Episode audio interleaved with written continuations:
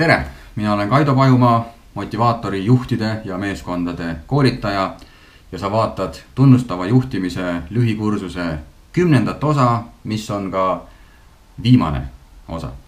ja selle osa pealkiri on äh, isikukaardid või inimestele lähemale jõudmine. me oleme päris pika teekonna siin läbi käinud, alustades teooriast, taustast, uuringutest, põhjendustest ja eelnevad kaks osa olid siis juba praktilised, kuidasmoodi hakata seda tunnustavat juhtimist rohkem igapäevajuhtimisse integreerima. ja see viimane osa võib öelda, on oma olemuselt, ma ütleks kõige võib-olla pehmem, aga teatud mõttes ka kõige efektiivsem. ja siin tasub alustada sellest küsimusest, et kumb on sulle isiklikult olulisem, kas pere või töö? Mõtle korraks. loomulikult pere. sama mulle, muidugi on pere kõige olulisem. ja miks ei oleks siis sama ka sinu töötajate suhtes? igale sinu töötajatele on pere tähtsam kui töö. mõni võib olla töönarkomaan. talle meeldib endast mõelda kui nagu tohutult pühendunud töötajast ja ta eeldab, et tööle pühendumine tähendab kõige tahaplaanile asetamist. töö on kõige tähtsam ja võib-olla mõni juht oma nagu naiivsuse või isegi ütleks nagu rumaluse otsas tahaks loota, et ta leiabki neid töötajaid, kes ongi sellised, ütleme siis töönarkomaanid, kelle jaoks töö ongi esirinnas ja kõik muu on tagaplaanil ja ta peaks nagu töö nimel kõik ohverdama. ma ei tea, kas ma päriselt tahaksin selliseid inimesi oma meeskonda. ja kas päriselt tegelikult neid inimesi üldse on olemas, võib-olla on. aga usutavasti enamus inimesi ikkagi, kellega sa igapäevaselt tööd teed, sinu meeskonnaliikmed, sinu töötajad on need, kellel on pere tähtsam. ja milleni see viib? see viib selleni, et kui ma töötan kuskil ettevõttes või mõnes meeskonnas ja ma tunnen, et sellel meeskonnal on juht, keda absoluutselt ei huvita mina persoonina, vaid teda huvitab ainult mina näiteks raamatupidajana. kui täpselt ma oma aruanded ära teen. teda ei huvita see, mis inimene ma olen, vaid teda huvitab ainult minu müügitulemus. teda ei huvita see, mis huvid mul on, missugune minevik mul on, vaid teda huvitab ainult see, mitu detaili ma seg-, minutis suudan kuskil liini peal kokku panna. kui mul on selline juht, siis usutavasti see juht ei ole minu jaoks mingisugune eeskuju inimesena. ta võib jube tark olla, ta võib jube efektiivne olla, aga ta inimesena on tegelikult mulle eeskujuks. ja kas see on see inimene, kelle nimel ma tahaksin pingutada, kui ma näen ja tunnen, et ma olen lihtsalt ressurss, ma olen tema jaoks lihtsalt ressurss. ja uskuda või mitte, aga mul on igal juhul paaris, paaril juhul nendes küsitlustes, millest ma olen ka siin rääkinud, tulnud selliseid kommentaare, kus inimesed ütlevad, et mulle tundub, et meie ettevõttes on nähtamatuse sündroom. ma tunnen, et, et ma käin, aga mind ei märgata, inimesena mind ei märgata, inimesena ma kellelegi korda ei lähe.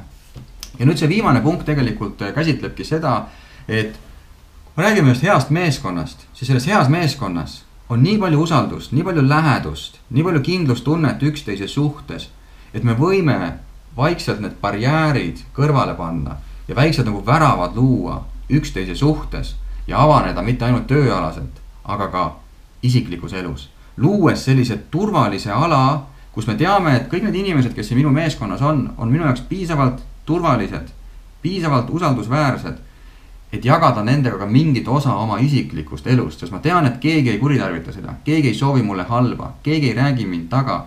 vaid ma tunnen, et tundes mind paremini, on neil mind lihtsam mõista ja mõistes mind paremini, on meil lihtsam koostööd teha. ja siin tuleb sisse nüüd juht. paljud juhid ise ei suuda olla haavatavad, nemad ei suuda oma seda väravat lahti teha ja näidata, kes nad tegelikult on. vaid neile meeldib hoida ise distantsi, sest nad kardavad et kui nad saavad liiga lähedaseks, kui nad tunnevad mind liiga hästi. et äkki ma kaotan oma autoriteedi ja mitu juhti on tulnud ka minu käest küsima, et okei okay,, kas ma ikka tohin olla oma töötajatega sõber. ja vot siin on nagu väga oluline moment. sa ei peagi olema oma töötajatega sõber, sellepärast et sõbrana on sul teatud selline sotsiaalne kohustus. sõbrana, küll aga võid sa olla sõbralik. sõbralik käitumine ei tähenda olla sõber aga sõbralik käitumine tähendab seda, et äh, sa tunned mind inimesena. ma olen selline, nagu ma olen. ja kui me oleme üksteisega sõbralikud, meie vahel on usaldus, siis ma võin olla autentne, ma võin olla ehe. ma ei pea olema superkangelasest juht, kes oskab, teab kõike, vaid ma olen tegelikult samasugune inimene. võib-olla aasta, võib-olla kuu tagasi ma olin üksteist ja nüüd ma lihtsalt sain juhiks. miks see, et mul on nüüd juhi tiitel, peaks mind kuidagi asetama kõrgemale teistest inimestest? Ja nüüd, kui sa juhina suudad olla nii avatud, nii ehe, nii autentne, nii inimene, et sa tõmbad selle värava eest ära ja näitad, okei okay,, see on mu juhi roll, aga see on mu inimese nägu siis sellega sa tekitad ka teistes inimestes selle kindlustunde, et okei okay,, see on su töötaja nägu, aga see on su inimese nägu. ja need asjad peavad olema tasakaalus ja see ei eelda seda, et te peate olema nagu maailma parimad sõbrad. see ei ole üldsegi vajalik, vaid see eeldab seda, et me saame asjadest rääkida nii, nagu asjad on. aga nüüd on probleem selles, et kui sa juhina mõtled, okei okay,, päris huvitav, kui oleks selline meeskond, kus tõesti on usaldusaste nii kõrge et inimesed nagu räägivadki asjadest nii, nagu asjad on. ja kogu see retoorika ei olegi ainult töökeskne, vaid inimesed tegelikult lubavad üksteist ka natukene nagu oma isikliku eluga kursis olema, et kuidas seda luua, sest hetkel on need väravad kinni. kuidas astuda see esimene samm? Kui sa lähed kuhugi koosolekule ja ütled lihtsalt oma inimestele, et kuulge, teeme niimoodi, alates tänasest tõmbame kõik oma need väravad lahti ja vaatame, kes me nüüd oleme. siis ilmselgelt kõik vaatavad sind alt kulmu ja ütlevad mõttes ei, aitäh. sest nad esiteks ei tea, mis su kavatsused on, miks sa tahad seda. sest nad ei ole veel kindlad oma ümber olevate inimeste suhtes ja sest teie ajalugu ja minevik näitab, et see keskkond ei pruugi olla turvaline. sest äkki mõni näiteks, kes on tulnud hiljem liitunud selle meeskonnaga, äkki ta on proovinud olla nagu avatum. ta on saanud vastu näppe. äkki ta on proovinud asjadest otse rääkida, äkki ta on proovinud avada ennast aga selle tulemusena ta on kuulnud kuskilt tagant tuleb, tuleb tagasi kuskilt kaarega mingid jutud tema kohta moonutatuna. tõmbad kohe värava kinni tagasi. ja nüüd see kümnes praktika tegelikult tähendabki seda, et sa võtad eesmärgiks oma inimesi päriselt tundma õppida. päriselt tundma õppida, mitte ainult aru saada selle üheksanda harjutuse baasil, et milles ta tööalaselt hea on. vaid sa püüad päriselt aru saada, mis inimesega tegelikult tegemist on ja seda on väga lihtne teha, sa näiteks kirjutad, ma ei tea, enda jaoks kümme asja ülesse. näiteks, kus koolides ta käinud on. ma ei tea, kus ta üles kasvas. mis ta huvid on, mis ta hobid on, kus ta elab, sellised väiksed asjad. ja see, sa vastad kõikide oma töötajate kohta ära.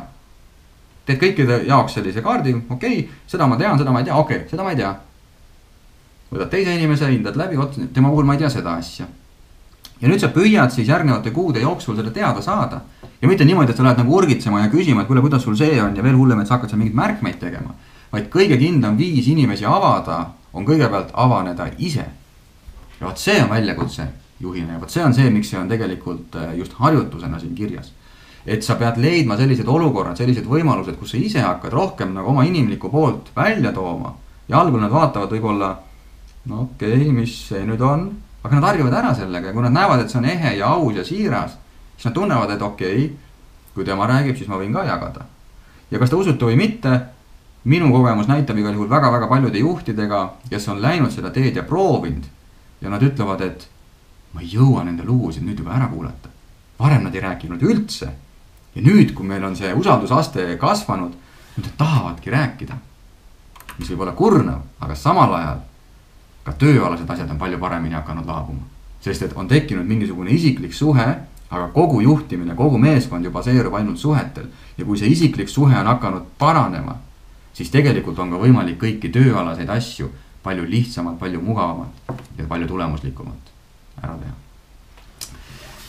Niisiis, selline oli see lühikursus.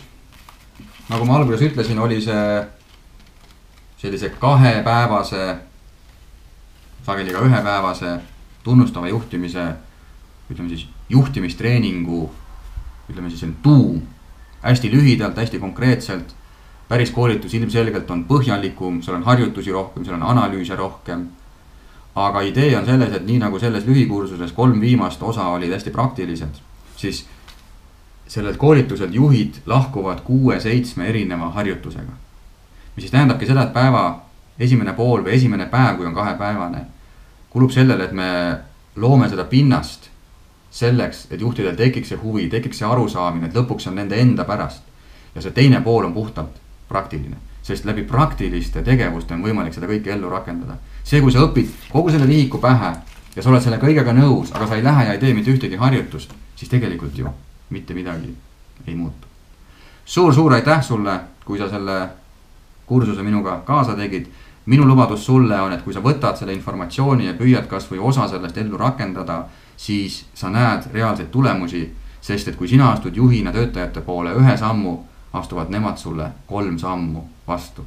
ja nagu me siin kursusel alustasime, siis mitte keegi ei taha tunda oma töö suhtes halvasti. kõik eelistaksid töötada sellises kohas, kus natukenegi on seda töörõõmu. Aga see töörõõm on ära kadunud, nii nagu uuringud näitavad, välismaal, Eestis tihti tänu sellele, et juhtimise kvaliteet ei ole võib-olla päris see, mis lubaks inimestel tööst rõõmu tunda suur,. suur-suur aitäh sulle ja võib-olla me kohtume kuskil koolitusel, võib-olla mitte, aga igal juhul proovi. tšau